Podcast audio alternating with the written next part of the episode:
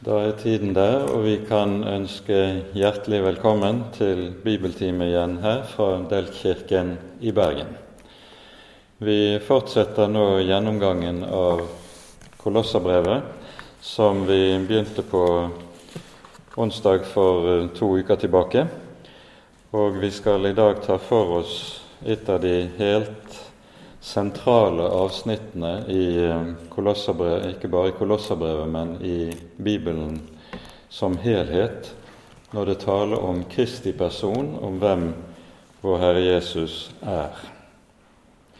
Det avsnittet fra vers 15 til og med vers 20 i det første kapittelet i Kolosserbrevet. Men før vi leser, før vi starter, så vil vi be sammen. Nå takker og lover vi deg, Hellige Gud, for all din godhet og all din nåde imot oss. Takk, Hellige Gud, at vi skal få være dine barn og få lov til å høre hjemme i din kirke på jorden. Takk at du har gitt oss din egen sønn, og med ham har du gitt oss løftet om å eie hele himmerikets rikdom. Takk, Herre Jesus, at du ville komme, at du ville stige ned i det dype for å fri og frelse oss. Nå ber vi, gode Herre, at du vil være hos oss med din Hellige Ånd, og at du vil gi lys i ordet ditt, at vi også kan få ha klarhet i troen. Du ser, Herre, denne tid med epidemi og smitte, og som er vanskelig for mange mennesker.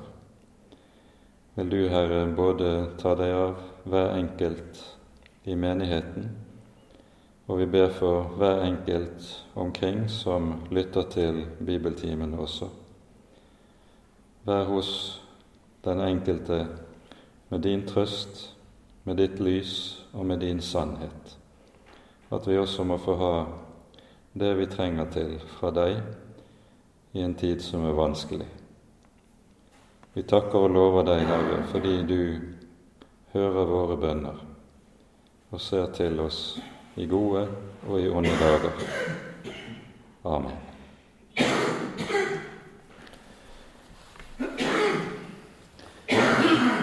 Vi begynner da med å lese fra Kolosserbrevets første kapittel, fra vers 15 til og med vers 20, i Jesu navn. Han, Jesus, er et bilde av den usynlige Gud, den førstefødte fremfor enhver skapning. For i ham er alt blitt skapt, i himmelen og på jorden det synlige og usynlige, enten det er troner eller herredømmer, eller makter eller myndigheter. Alt er det skapt ved ham og til ham. Han er før alle ting, og alt består ved ham. Og han er hodet for legemet, som er menigheten.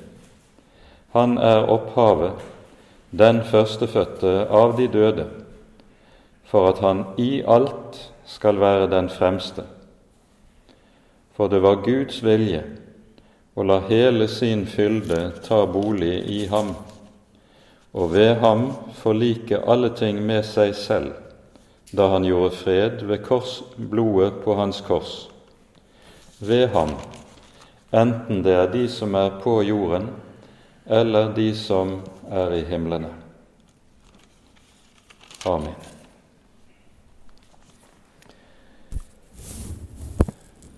Når vi går inn i dette avsnittet, så går vi inn i de, et av de aller mest sentrale avsnittene i Det nye testamentet når det taler om inkarnasjonen, altså hemmeligheten ved Jesu person.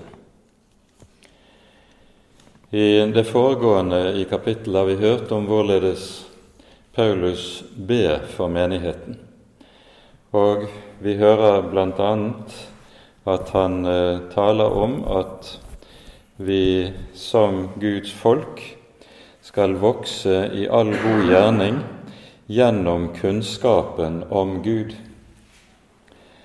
Og eh, det er denne kunnskap apostelen med dette kaster lys innover i det avsnittet som vi har for oss i kveld. Nå er det slik at ordet 'kunnskap' ikke er tilfeldig i denne sammenheng. Det dukker opp flere ganger i Kolosserbrevet, fordi Kolosserbrevet er eh, et brev der vi for første gang møter den tidlige gnostisismen. En vranglære som kom til å volde den kristne kirke store vansker i de første århundrene. Eh, og det er altså en tidlig utgave av denne som eh, vi står overfor i Kolosserbrevet. Paulus eh, skildrer ikke nærmere hvordan denne har konkret gitt seg uttrykk i Kolosset. Men vi hører han eh, særlig i kapittel 2 eh, går direkte i rette med oppfatninger som tydelig har eh, gjort seg gjeldende. Ordet gnostisisme det kommer av det greske ordet gnosis, som nettopp betyr kunnskap.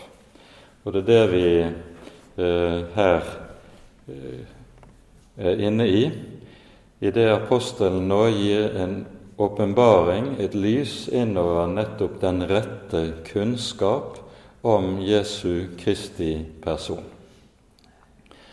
Og Det avsnittet som vi har for oss, det har det særlige med seg at det knytter sammen skapelsen og frelsen på en slik måte at Apostelen gjør det klart at det er den samme Herre som både er skapelsens opphav og frelsens opphav. Jesus er den evige midler mellom Gud og skaperverket, både i selve skapelsen og altså også i forløsningen. Nettopp dette var noe som gnostikerne eh, anfektet. De, eh, en grunntanke innenfor gnostisismen var at den materielle verden, den fysiske virkelighet, var ond.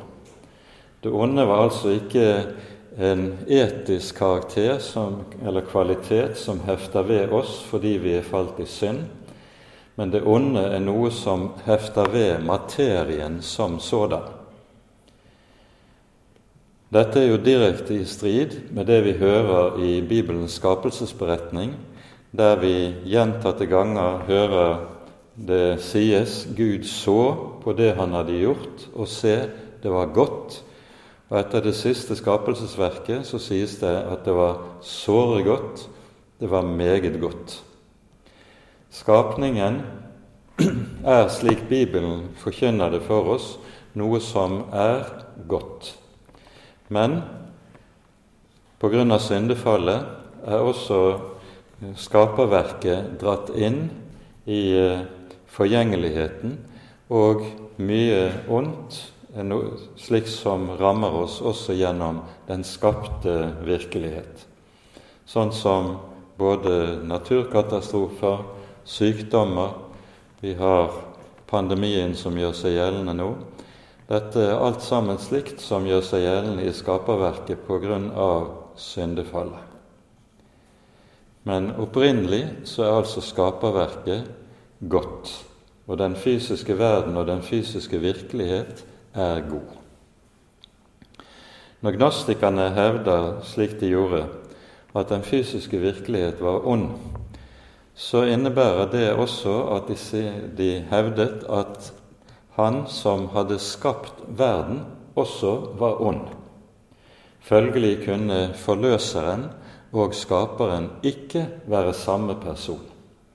Og det er nettopp dette Paulus eh, går inn i når, i det avsnittet som vi har for oss i aften, i det grunntanken her nettopp er at Jesus Kristus er midler mellom Gud og det skapte, i, altså både i skapelsens gjerning og i forløsningens gjerning.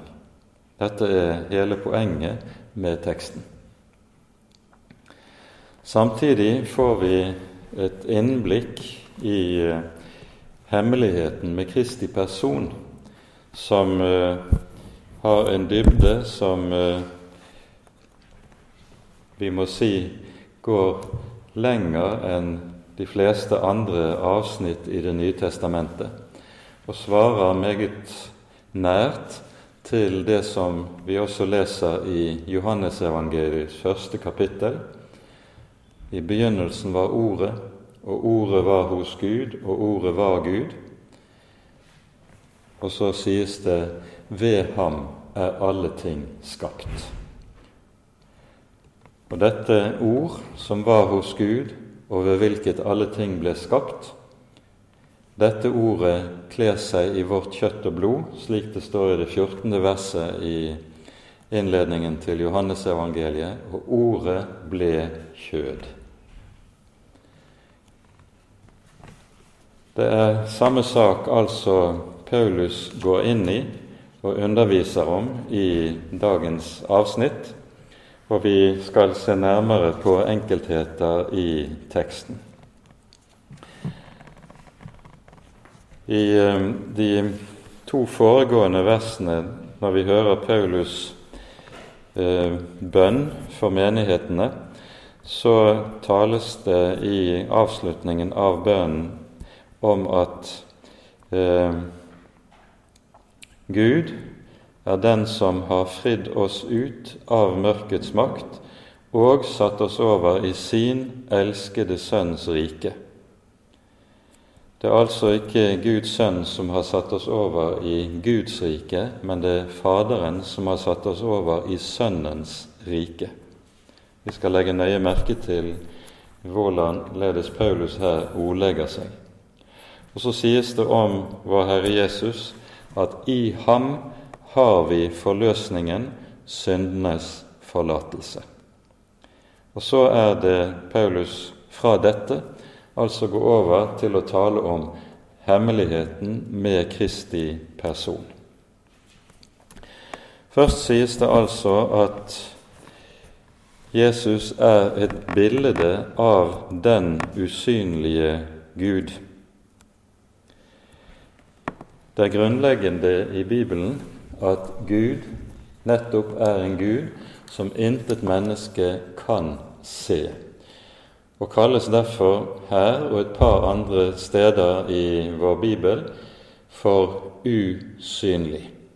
Det er et ord som ikke brukes veldig ofte i Bibelen, men tilsvarende uttrykk anvendes. Eh, I innledningen til Johannesevangeliet sies det jo 'ingen har noensinne sett Gud, den enbårne Sønn som er i Faderens skjød, han har åpenbaret ham. Faderen er skjult. Når vi vil vite hvem Gud er, så får vi vite det ene og alene i Kristi person. I det 14. kapittelet i Johannesevangeliet som jo er Jesu avskjedstale, som han holder eh, et, i forbindelse med påskemåltidet sammen med disiplene, så hører vi Philip spørre Jesus og si, 'Herre, vis oss Faderen, og det er oss nok.' Philip ønsket seg å kunne få se Gud. Og det er noe mennesker gjennom alle tider har ønsket seg. Til dette svarer Jesus, så lang en tid har jeg vært hos dere, Philip, og du kjenner meg enda ikke. Den som har sett meg, har sett Faderen. Det er hemmeligheten. Å se Kristus, Jesus, og lære ham å kjenne, det er å lære å kjenne Gud. Vi kjenner ingen Gud uten den Gud som er åpenbart i Kristi person. Alle andre guder er avguder. Det er Jesu Kristi person alene vi får rett Guds kunnskap og rett Guds kjennskap. Ordet som Paulus anvender for bildet, det er det greske ordet 'eikon', som vi har i vårt ord 'ikon', som eh, alle nok kjenner. Når Paulus anvender dette ordet, så har han helt sikkert eh, ordene fra skapelsesberetningen i Første Mosebok i tanke, der det sies at når Gud skaper mennesket, så skaper han det i sitt bilde og etter sin lignelse. Og så hører vi i Paulus brever, det understrekes flere steder, at i frelsen så fornyes vi mennesker til Guds bilde. Det innebærer at Paulus forutsetter at Guds, det Guds bilde som vi ble skapt med, med opprinnelig, i opprinnelsen, det gikk tapt gjennom syndefallet og må altså fornyes, og fornyes gjennom forløsningen, gjennom frelsen. Det er bare ett menneske i historien som vi kjenner, og som bærer gudsbildet uskadd, slik det opprinnelig var ment å være, og det er vår Herre Jesus Kristus. Så når det sies her at Jesus er et bilde av Gud, den usynlige, så sies det en dobbelt sak om Kristi person. Det sies både at i ham er det Gud åpenbarer seg, i ham er det vi lærer å kjenne Gud og se Gud. Og for det andre er det slik at i ham er det vi også ser det sanne mennesket, mennesket slik det var ment å være i opprinnelsen fra Guds hånd. Nå er det en velsignelse for oss mennesker at vi ikke kan se Gud direkte. Dette sies jo uttrykkelig i 2. Eh, Mosebok kapittel 33, når Moses ber om å få se Guds herlighet så svarer Herren ham, intet menneske kan se meg og leve. Guds herlighet er så veldig, så stor, at vår falne menneskelige natur ville bryte sammen i et direkte møte med Guds herlighet. Samme saken understrekes derfor også i 1. Timotius brev, at Gud bor i et lys dit intet menneske kan komme eller nå. Men i Kristi person, der åpenbarer Gud seg, der ser vi Gud, der lærer vi Gud å kjenne. Men det er et kjennskap som altså henger sammen med det som Paulus taler om i Filippabrevet i det andre kapittelet, der han sier om Jesus fra begynnelsen eh, Han som da han var i Guds skikkelse, ikke holdt det for et røvet bytte å være Gud lik, men uttømte seg selv idet han tok en tjeners skikkelse på seg da han kom i menneskers lignelse. I Kristi person møter vi Gud. I Kristi person lar Gud seg se, men ikke i sin herlighetsskikkelse, men i en tjeners skikkelse. Luther bruker i denne sammenheng eh, teksten fra 2. Moseboks 33. kapittel, når eh, Herren sier til Moses, du kan ikke se min herlighet, for intet menneske kan se meg og leve men du skal få se meg bakfra. Og det å se Gud i tjeners skikkelse, det er nettopp dette å se Gud bakfra. Slik åpenbarer vår Herre Jesus Gud på en slik måte at han åpenbarer seg så å si under sin tilsynelatende motsetning. I Isaiah 53 sies det om ham han hadde ingen skikkelse og ingen herlighet. Han hadde ikke et utseende så vi kunne ha vår lyst i ham. Altså, når mennesker ser Jesus utenfra, ikke minst gjelder dette korset, så ser det ut som det slett ikke er noe som helst guddommelig med ham. Han kom i en tjenerskikkelse, og han fornedret seg selv like inntil døden på et kors. Her er det intet herlig, her er det intet som ser guddommelig ut. Vi ser Gud bakfra i Kristi person. Og så åpenbarer han sin herlighet for troen og gjennom troen. Og troen ser hvilken herlighet vi eier i Jesus Kristus. Og nettopp fordi det forholder seg slik, så ser vi også at dette er tema for Paulus' bønner for menigheten. Han ber nettopp at de skal få troens øyne til å se, se hvilken herlighet vi eier i vår Herre Jesus Kristus. Verden ser ikke denne herlighet, men Guds folk ser denne herlighet og gleder seg over det. Så lyder det altså Han er et bilde av den usynlige Gud, den førstefødte fremfor enhver skapning. Det uttrykket som anvendes her, det anvender apostelen for å gjøre et skille mellom Kristus, Jesus, og det skapte virkelighet. Når han sier at Jesus er den førstefødte, så sier han med det Kristus er født av Gud, av Faderen, fra evighet. Han er ikke skapning.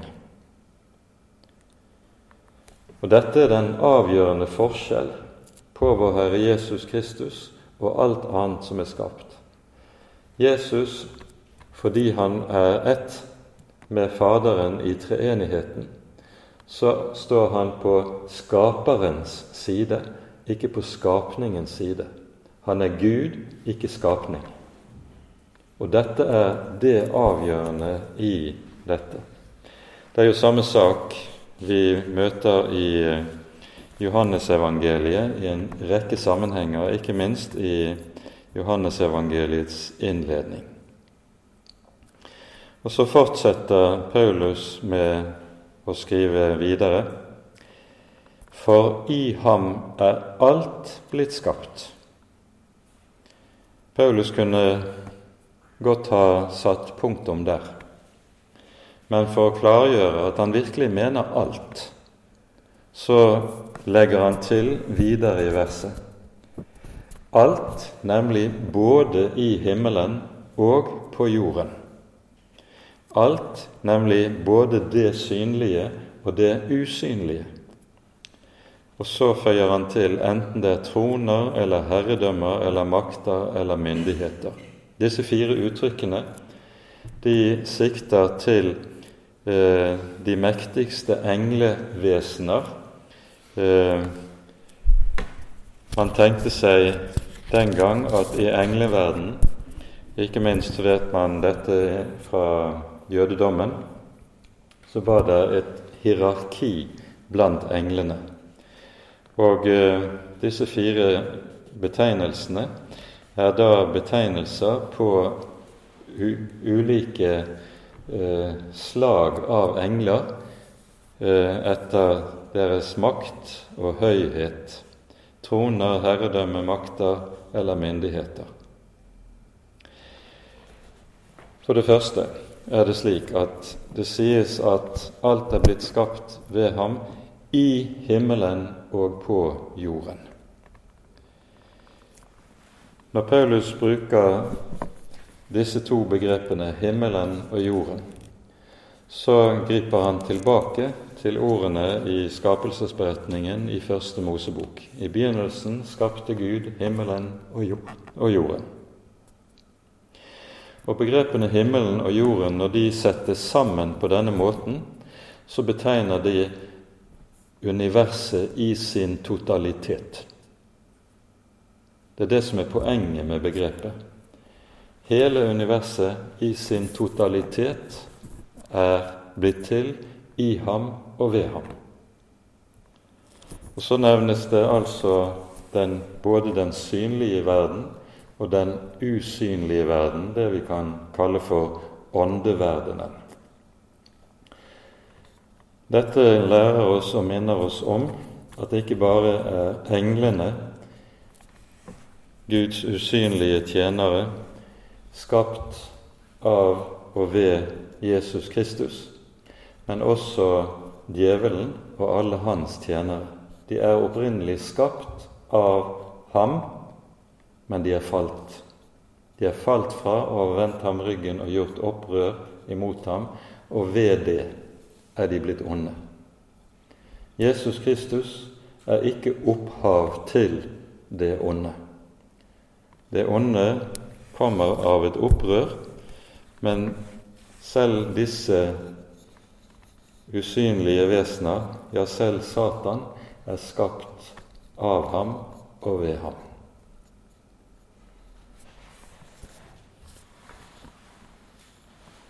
Nå anvendes det eh, noen preposisjoner her som er viktig å være oppmerksom på. Det sier at alt er skapt i ham i begynnelsen av vers 16, og i slutten av verset så står det alt er det skapt ved ham og til ham. Når Paulus skriver slik så henger dette sammen med en bestemt bakgrunn i Det gamle testamentet for det vi her leser. Eh, man har blitt oppmerksom på at det Paulus her gjør, det er at han gjør en såkalt midrasj. Det er en utleggelse i prekenform av den gammel, hebraiske gammeltestamentlige teksten. Og Nå er det slik at det første ordet i vår bibel som hos oss er oversatt med 'i begynnelsen'. Det er ett ord på hebraisk som lyder 'bereshit'. Og 'bø' eh, det er preposisjonen, og 'reshit' betyr begynnelsen. Og denne preposisjonen, som altså er oversatt med 'i begynnelsen' i våre bibler, denne preposisjonen kan også oversettes med ved begynnelsen. Og Nå er det da slik at vår Herre Jesus Kristus kalles nettopp for begynnelsen. Og når det sies at i begynnelsen, eller ved begynnelsen, skapte Gud himmel og jord, så sier Paulus med dette at det ligger en skjult mening i det første verset i Første Mosebok nemlig at det er ved Jesus Kristus at Gud, Faderen, skaper alle ting. Skaper himmel og jord. Ordet som er oversatt med 'begynnelsen', det har også flere ulike betydninger i hebraisk. Og disse ulike betydningene utlegges av Paulus i det 18. verset som følger. Det kan nemlig også henge sammen med et ord som betyr hode, et ord som betyr opphav, et ord som betyr den førstefødte, et ord som betyr den øverste eller den fremste. Så disse fire betegnelsene som anvendes om Jesus i vers 18, de refererer seg alle sammen til det hebraiske ordet som i våre bibler altså er oversatt med 'begynnelsen'.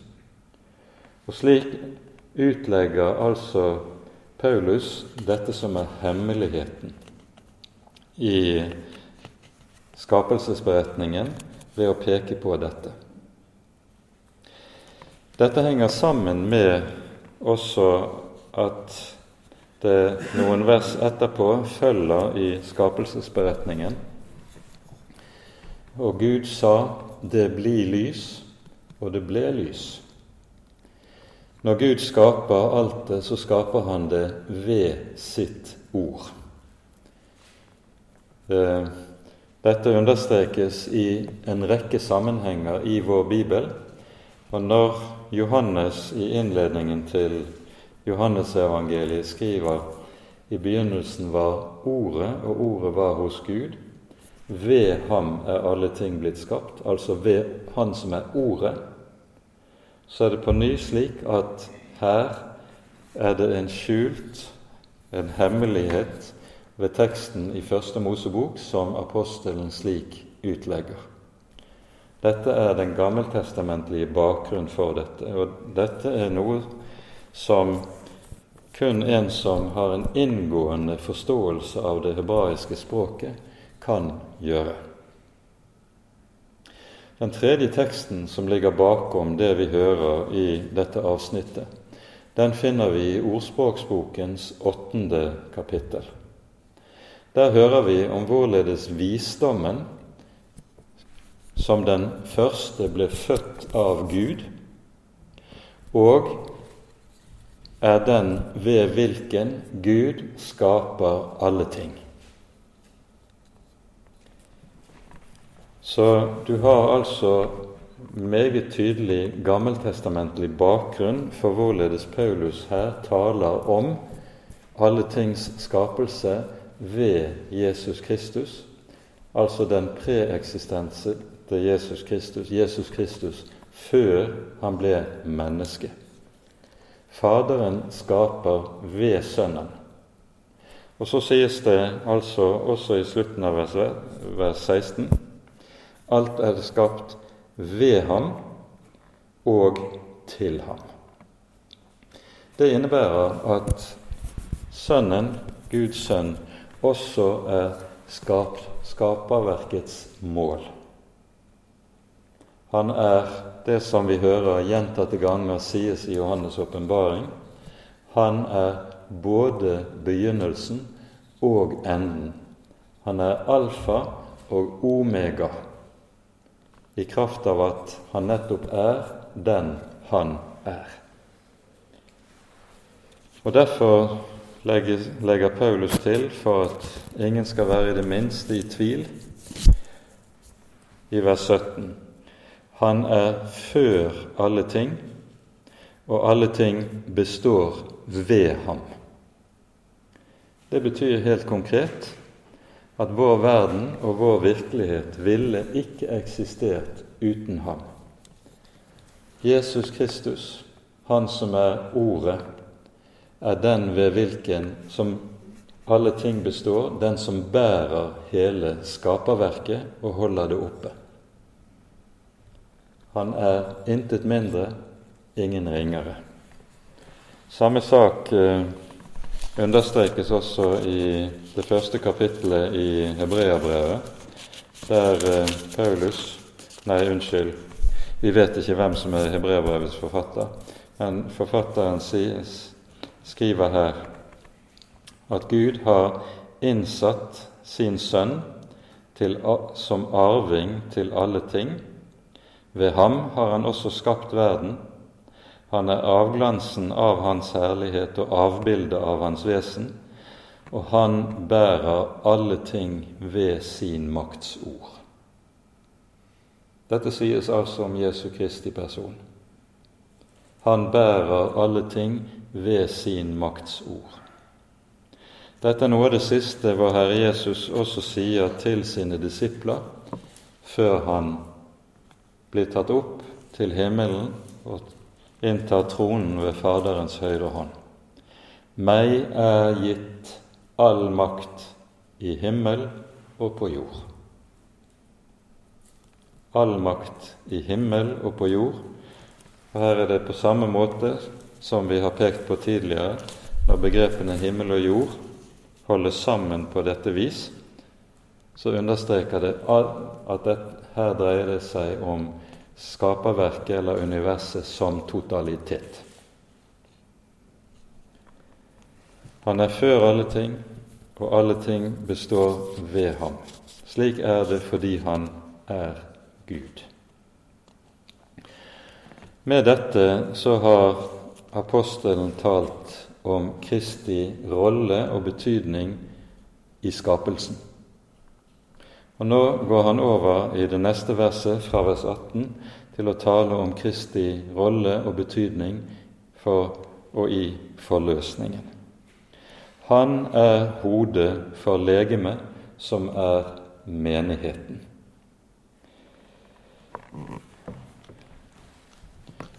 Det er jo slik i Paulus sine brever at den kristne menighet sammenlignes med et legeme.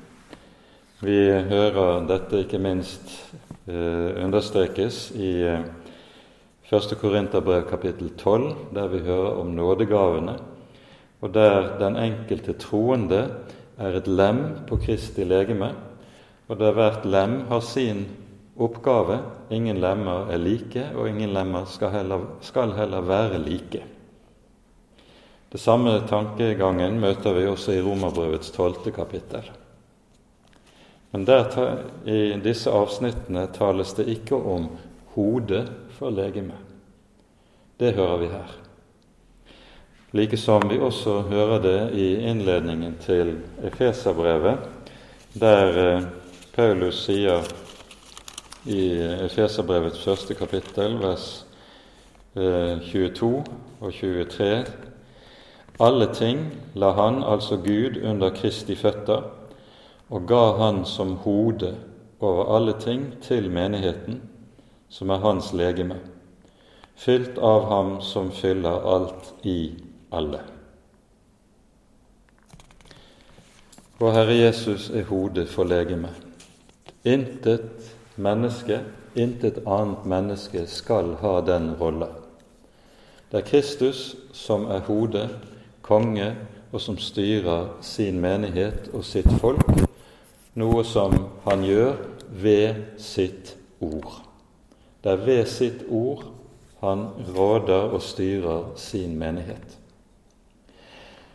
Og der den kristne menighet sitt forhold til ordet ødelegges, der skjer akkurat det samme som skjer med oss, med kroppene våre, dersom nervesystemet som forbinder hjernen med de ulike lemmene, ødelegges. Da lammes det. Da kan legemet ikke lenger fungere. Derfor er det også slik at det, det er så ødeleggende for Guds folk og for den kristne menighet der forholdet til Ordet ødelegges.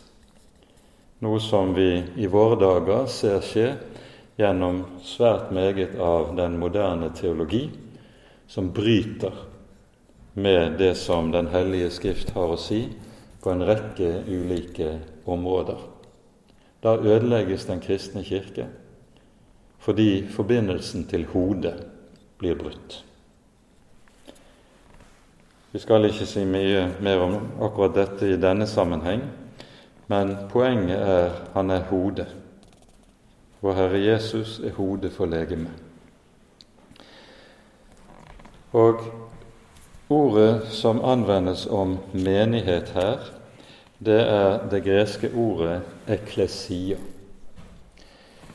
I dette verset så er eh, ordet menighet betegnelsen på den universelle kirke.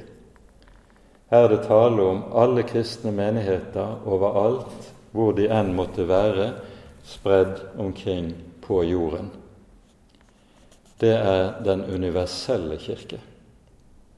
Samtidig vet vi også at Paulus bruker dette ordet i to andre betydninger.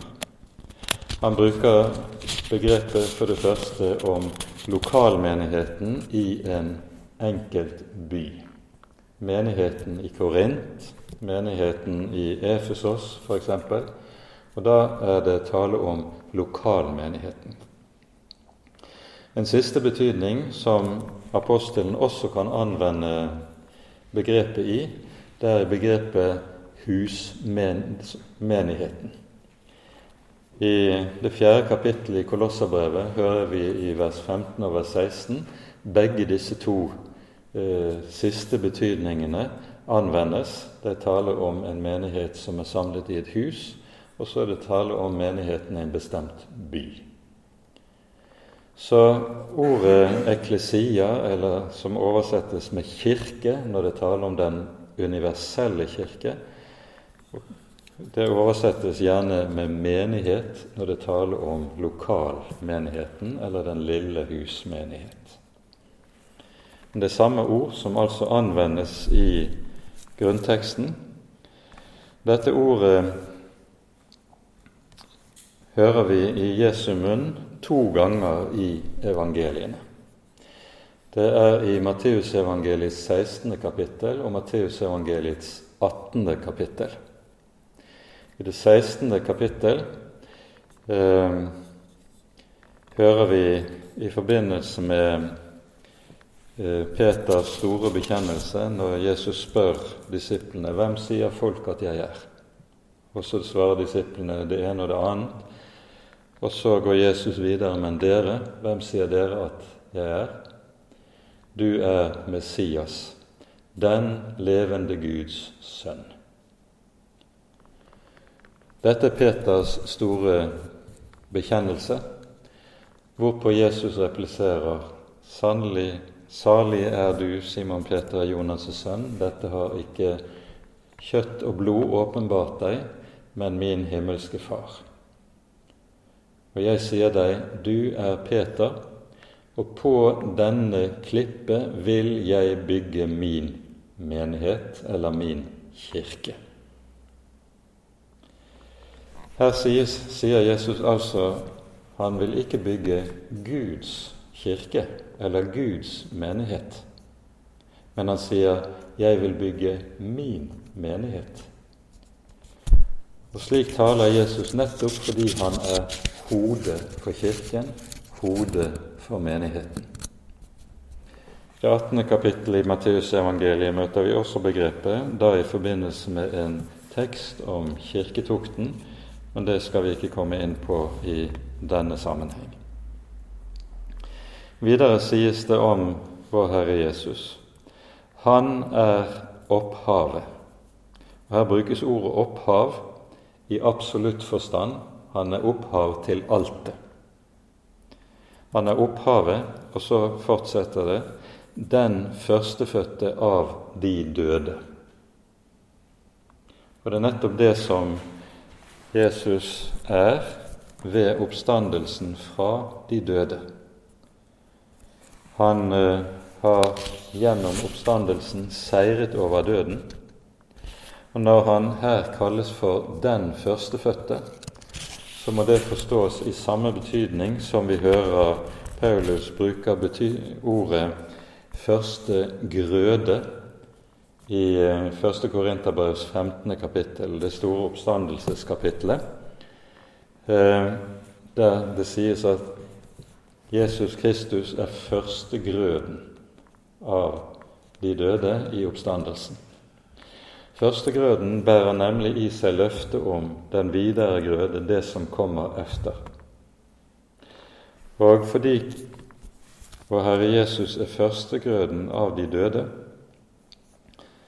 så bærer det i seg løftet om vår oppstandelse.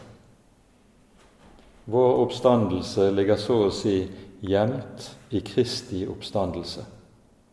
Og det er ved Hans oppstandelseskraft du og jeg kan ha håp i møte med døden. Fordi Jesus har stått opp fra de døde, og vel å merke dette er en historisk begivenhet. Det er derfor Det nye testamentet legger så veldig vekt ved at graven var tom. Det fysiske legemet er reist opp igjen fra de døde. Døden er jo i høy grad en fysisk begivenhet. Det er noe som skjer med kroppen vår. Alt slutter å fungere, og forråtnelsen starter opp. og inntrer, og vi legges i grav. Det er i høy grad en fysisk begivenhet. Og slik er oppstandelsen også en fysisk begivenhet. Jesus står legemlig opp fra de døde, og derfor er oppstandelsen en historisk begivenhet. Og dette er årsaken til at Det nye testamentet legger så stor vekt på øyenvitnene. Det er ikke myte, det er historisk virkelighet. Og like virkelig som Jesus er reist opp fra de døde, skal du og jeg også få lov til å ha håp om oppreisning fra de døde på Herrens dag. Når vers 18 munner ut, så munner det ut i et for for det var Guds vilje å la hele sin fylde ta bolig i ham. Her eh, anvender Paulus et særegent ord på gresk som ikke anvendes svært ofte i Det nye testamentet. Men her i Kolosserbrevet møter vi det i et par sammenhenger. Ikke minst er det viktig det niende verset i det andre kapittel, der eh, det sies om vår Herre Jesus i ham bor hele guddommens fylde legemlig. Det sies altså ikke blott og bart at i Kristus bor hele guddommens fylde, men det understrekes at guddomsfylden er til stede legemlig. Og Nettopp dette er en voldsom provokasjon i møte med gnostikerne som jo mente at det legemlige var ondt, og derfor kunne Gud, som var god, ikke forenes med det legemlige. Gud kunne ikke inkarneres, nettopp fordi at den fysiske virkelighet var ond. Men her lærer Bibelen oss noe ganske annet. Den fysiske virkelighet er god fordi Gud har skapt den. Og i den fysiske virkelighet trer Gud inn og kler seg i vårt kjøtt og blod slik at det som Paulus sier, i ham bor hele guddommens fylde legemlig. Det er et av de sterkeste ordene vi har i Det nye testamentet om inkarnasjon. Det at Gud blir menneske. Begrepet fylde var et ord som gnostikerne anvendte hyppig. For det skulle beskrive en del av deres kosmologiske teorier eh, som eh, sa noe om at fylden den bestod i de ulike maktene og myndighetenes nærvær, eh, og som mennesket etter hvert skulle nå opp til gjennom sin innvielse i de gnostiske mysterier. Nei, sier Paulus, de representerer ikke fylden. Fylden, den guddommelige fylde, den er å finne i Kristi person. Han som fornedret seg selv og ble lydig inntil døden på et kors. Det ser så lite ut. Det ser så puslete ut at en stakkars tømmermann nagles til et kors i Jerusalem for 2000 år tilbake. Men i dette som ser så lite og ubetydelig ut, har Gud gjemt det største. Der er Skaperen til stede med hele sin skapermakt og skaperkraft. Der er Skaperen til stede med hele sin hellighet, herlighet og frelsesfylde. Det ser lite ut, men det største er gjemt i det minste. For det var Guds vilje å la hele sin fylde ta bolig i ham og ved ham forlike alle ting med seg selv, da han gjorde fred, ved blodet på hans kors, ved ham, enten det er de som er på jorden, eller de som er i himlene. Jesus er den evige mellommann mellom Gud og mennesker også i forløsningen. Og forløsningen virkeliggjøres på én bestemt måte ved Kristi blod på korset. Betydningen av Jesu blod, det er noe som vi møter gjennom hele Det nye testamentet, og som knytter Kristi verk på korset uløselig sammen med soningen, soningstjenesten, slik som det undervises om den i tempelet eller tabernaklet i Det gamle testamentet. Disse offer som ble ofret i den gamle pakts tid, lærer vi i Hebreabrevet, de var forbilder på det endelige offer som skulle gjøres av Gud på Golgata. Og så sies, sier Hebreabrevet i det niende kapittel uttrykkelig at uten at det skjer soning skjer det ikke forlatelse fra, for, for, for synd. Eller ordrett Hebreerne 9,22.: Uten at blod blir utgitt, skjer det ikke forlatelse for synd. Soningen er forutsetningen for syndenes forlatelse. Og Derfor er det slik at syndenes forlatelse finnes ikke noe annet sted enn der hvor Kristi soningsverk er, kunngjøres og forkynnes, for dette soningsverk blir virkelighet inn i våre liv gjennom ordet om korset. I Romerbrevets tredje kapittel så sier Paulus om dette at vi forløses uforskyldt av Hans nåde gjennom forløsningen i Kristus Jesus, og så kommer det i vers 25. Som Gud stilte til skue i hans blod, som en nådestol ved troen. På samme måte som blodet ble stenket på nådestolen på den store forsoningsdagen i den gamle pakts tid, slik er Kristi blod på korset blitt den nådestol ved hvilken soningen er fullbyrdet og virkekraftig, så det skjer forlatelse for synd.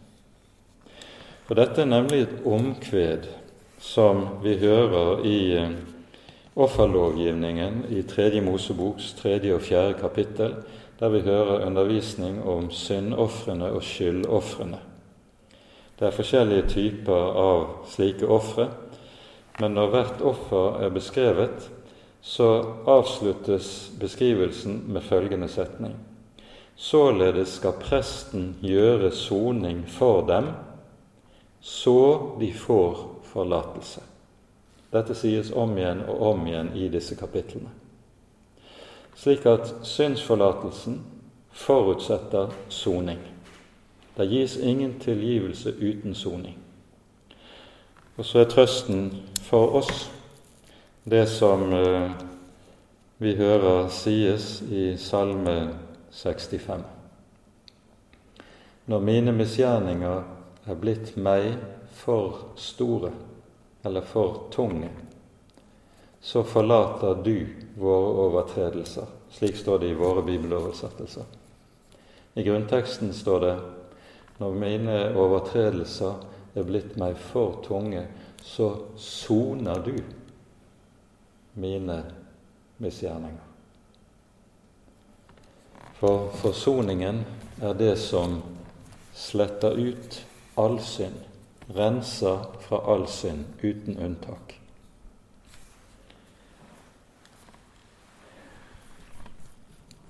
Dette gir forlikelse med Gud, og dermed skapes der fred. Da vi nå altså er rettferdiggjort ved troen, har vi fred med Gud ved vår Herre Jesus Kristus. Og i Efeserbrevets annen kapittel taler Paulus også om denne fred. Det sies i Efeserne 2 fra vers 13. Nå, i Kristi, Kristus Jesus, er dere som før var langt borte, kommet nær til ved Kristi blod, for Han er vår fred. Han som gjorde de to til ett og brøt ned det som gjerdet som skilte dem, fiendskapet, da han ved sitt kjød avskaffet den lov som kom med bud og forskrifter. Dette gjorde han for i seg selv å skape de to til ett nytt menneske, og slik stifte fred. I ett legeme forlike dem begge med Gud ved korset. For der drepte han fiendskapet. Forlikelsen betyr at fiendskapet er drept, der er fred. Det er dette Paulus omtaler i kortform her i Kolosserbrevet, og som vi altså har pekt på. Det siste som sies i dette verset, det er at det gjør, han gjør, forliker alle ting med seg selv. Og det, med alle ting så sies det enten det er de som er på jorden eller i himmelen. Det har vært mye spekulasjon blant fortolkere om hva som mon menes med ting i himmelen. Skal det som er i himmelen, også forlikes med Gud? Det som sannsynligvis er den rimelige forståelsen av dette, det er at også her tenker Paulus, når han bruker begrepene himmel og jord, på det universelle. Nemlig at forløsningen i Kristus Jesus er universell, og altså dermed også er grunnlaget for det som Bibelen forkynner for oss, at Gud en dag i gjenfødelsen skaper nye himler og en ny jord. Også dette har sin grunn i Kristi oppstandelseskraft og i blodets forlikende kraft. Hele Forsoningen og forlikelsen bærer altså i seg et universelt perspektiv som sier noe langt, langt større enn vi er i stand til å fatte og begripe. Og fordi dette altså ligger i hemmeligheten med Kristi kors, Kristi død og oppstandelse, så munner Bibelen ut i de store håpskapitlene som vi finner i avslutningen av Johannes' åpenbaring. Jeg så en ny himmel og en ny jord. Nye himler og en ny jord der rettferdighet bor. Der det ikke lenger skal være gråt, ikke lenger skrik, ikke smerte. Der døden ikke lenger skal finnes. For alt og alle fordervers makter er overvunnet ved Kristi kors og Kristi oppstandelse. Og På denne måten så ser vi altså hvorledes Paulus i disse kapitlene tegner vår Herre Jesu betydning for oss som den som alt dreier seg om, som er Guds evige midler i skapelse og i forløsning. Han er sentrum og den som bærer alt i hele skaperverket. Se hvor stor han er, bryter hebreerbrevets forfatter ut i en sammenheng. Og det er vel det Paulus også vil vise oss gjennom disse versene. Se hvor stor han er. Ære være Faderen og Sønnen og Den hellige ånd, som var og er og være skal, en sann Gud, høylovet i evighet. Amen.